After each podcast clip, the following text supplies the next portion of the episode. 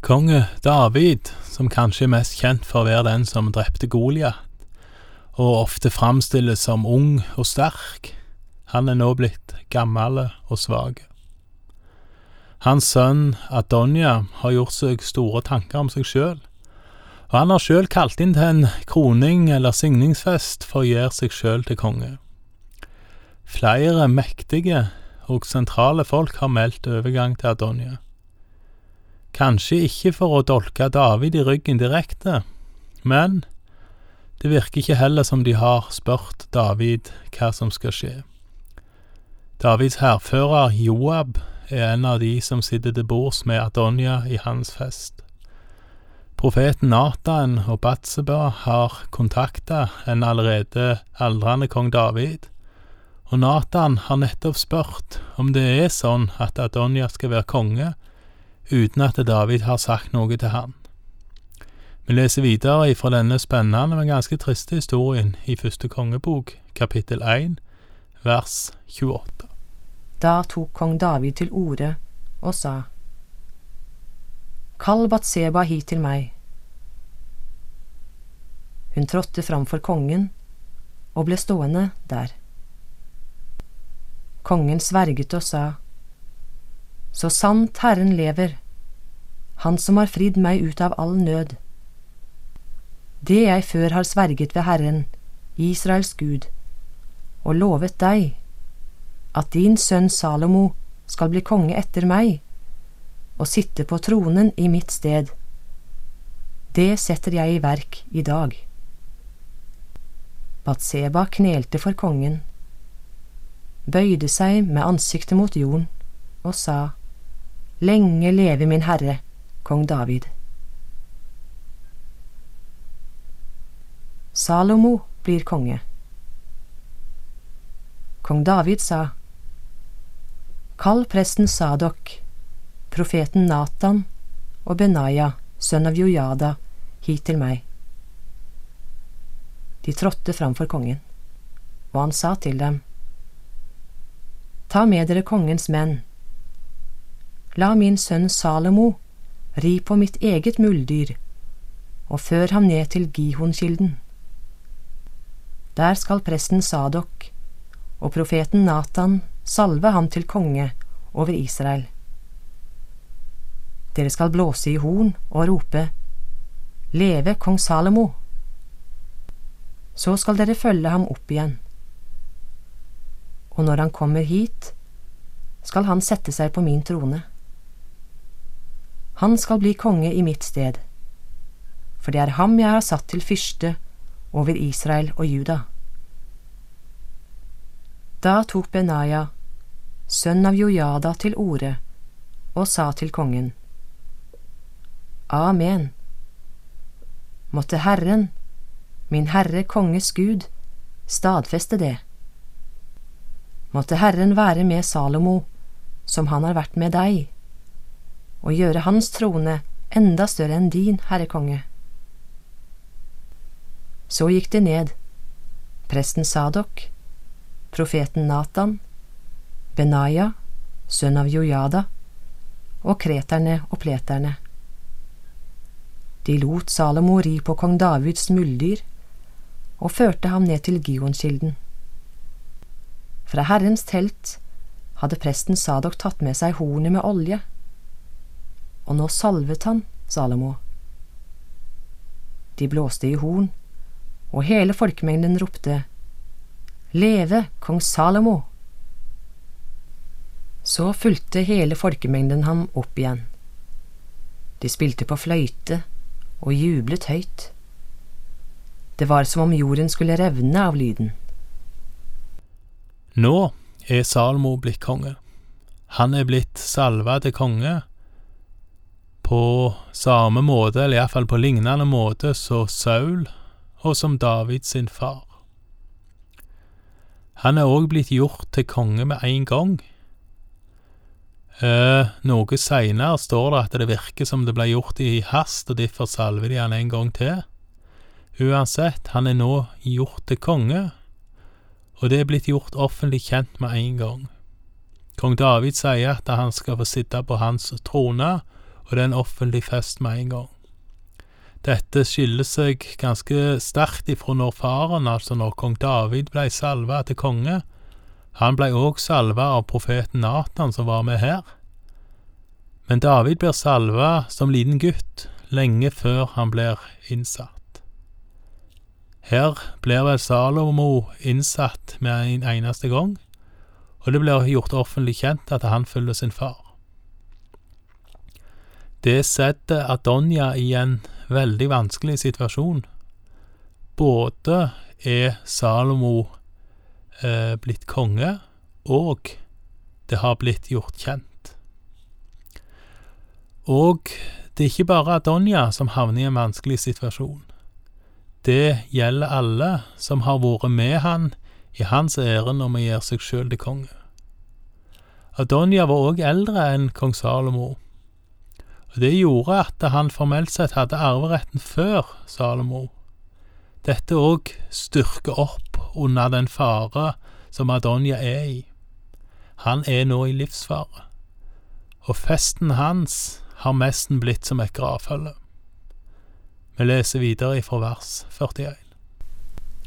Dette hørte Adonja og alle gjestene som var hos ham. De var nettopp ferdige med å spise. Da Joab hørte lyden av horn, sa han, Hvorfor er det slik støy og oppstyr i byen?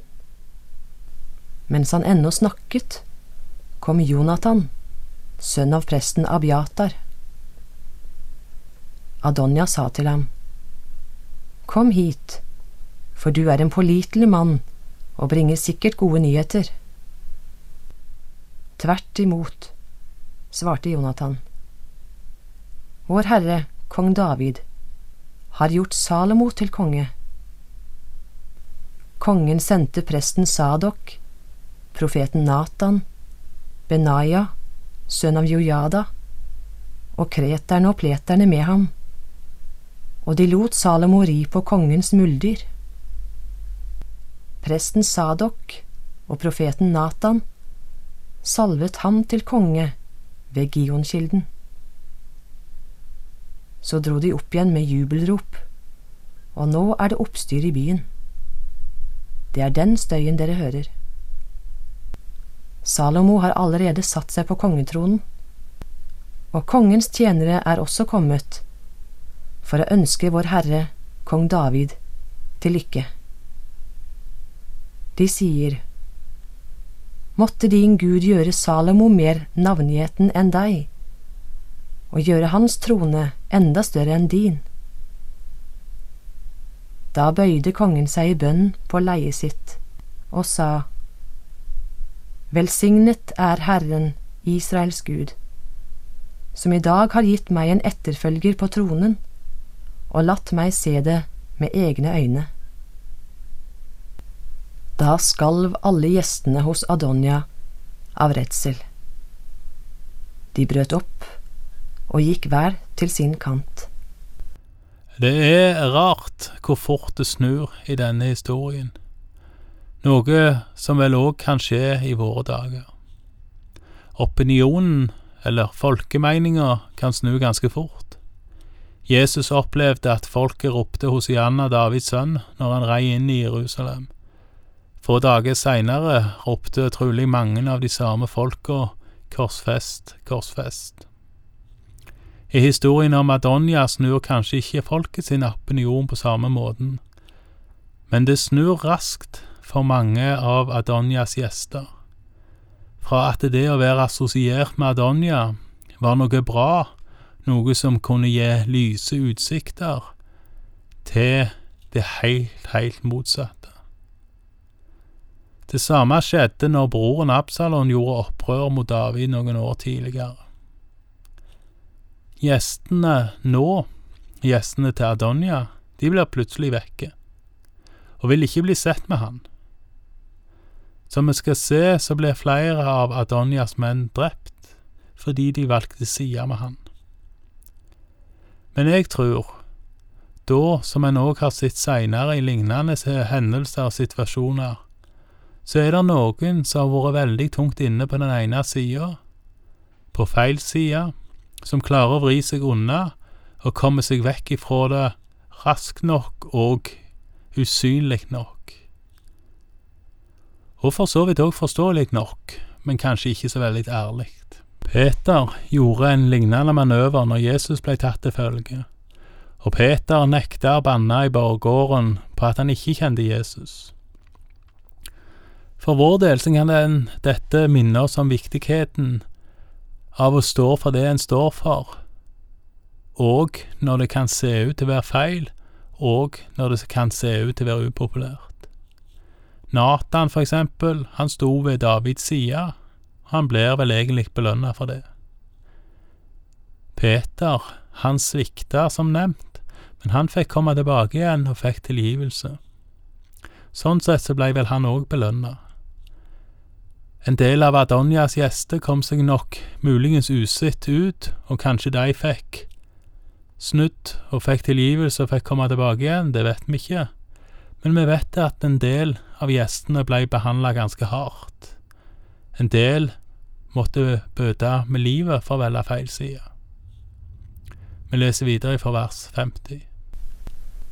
Adonja ble så redd for Salomo at han reiste seg, gikk av sted og grep fatt i alterhornene.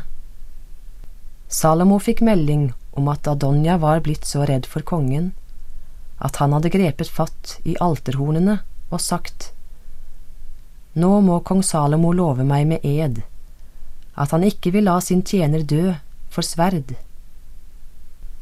Salomo sa, Oppfører han seg som en pålitelig mann, skal det ikke krummes et hår på hans hode. Men hvis han gjør seg skyldig i noe ondt, skal han dø. Så sendte kong Salomo folk av sted for å hente ham ned fra alteret. Da han kom til kong Salomo, kastet han seg ned for ham, og Salomo sa til ham, Du kan gå hjem. Adonja ble redd for sin bror, og det er forståelig, siden han både hadde forsøkt å røve trona fra Salomo, og fordi det var vanlig på den tid at de som hadde en bedre arv, ble rydda av veien, altså de som sto høyere i arverekka eller tidligere i arverekka. Det ser en òg i historien om kong David som sparer en av Sauls arvinger, sønnen til vennen Jonathan, Mefibosjet. Der viser David nåde mot en som det ville være normalt å drepe fordi at han sto tidligere i arverekka, og sånn sett potensielt var en konkurrent eller en fiende.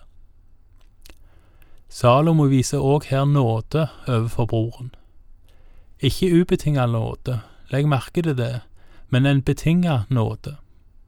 Salomo sier at dersom Adonja oppfører seg og er en bra mann, så vil ikke et hår falle på hans hode.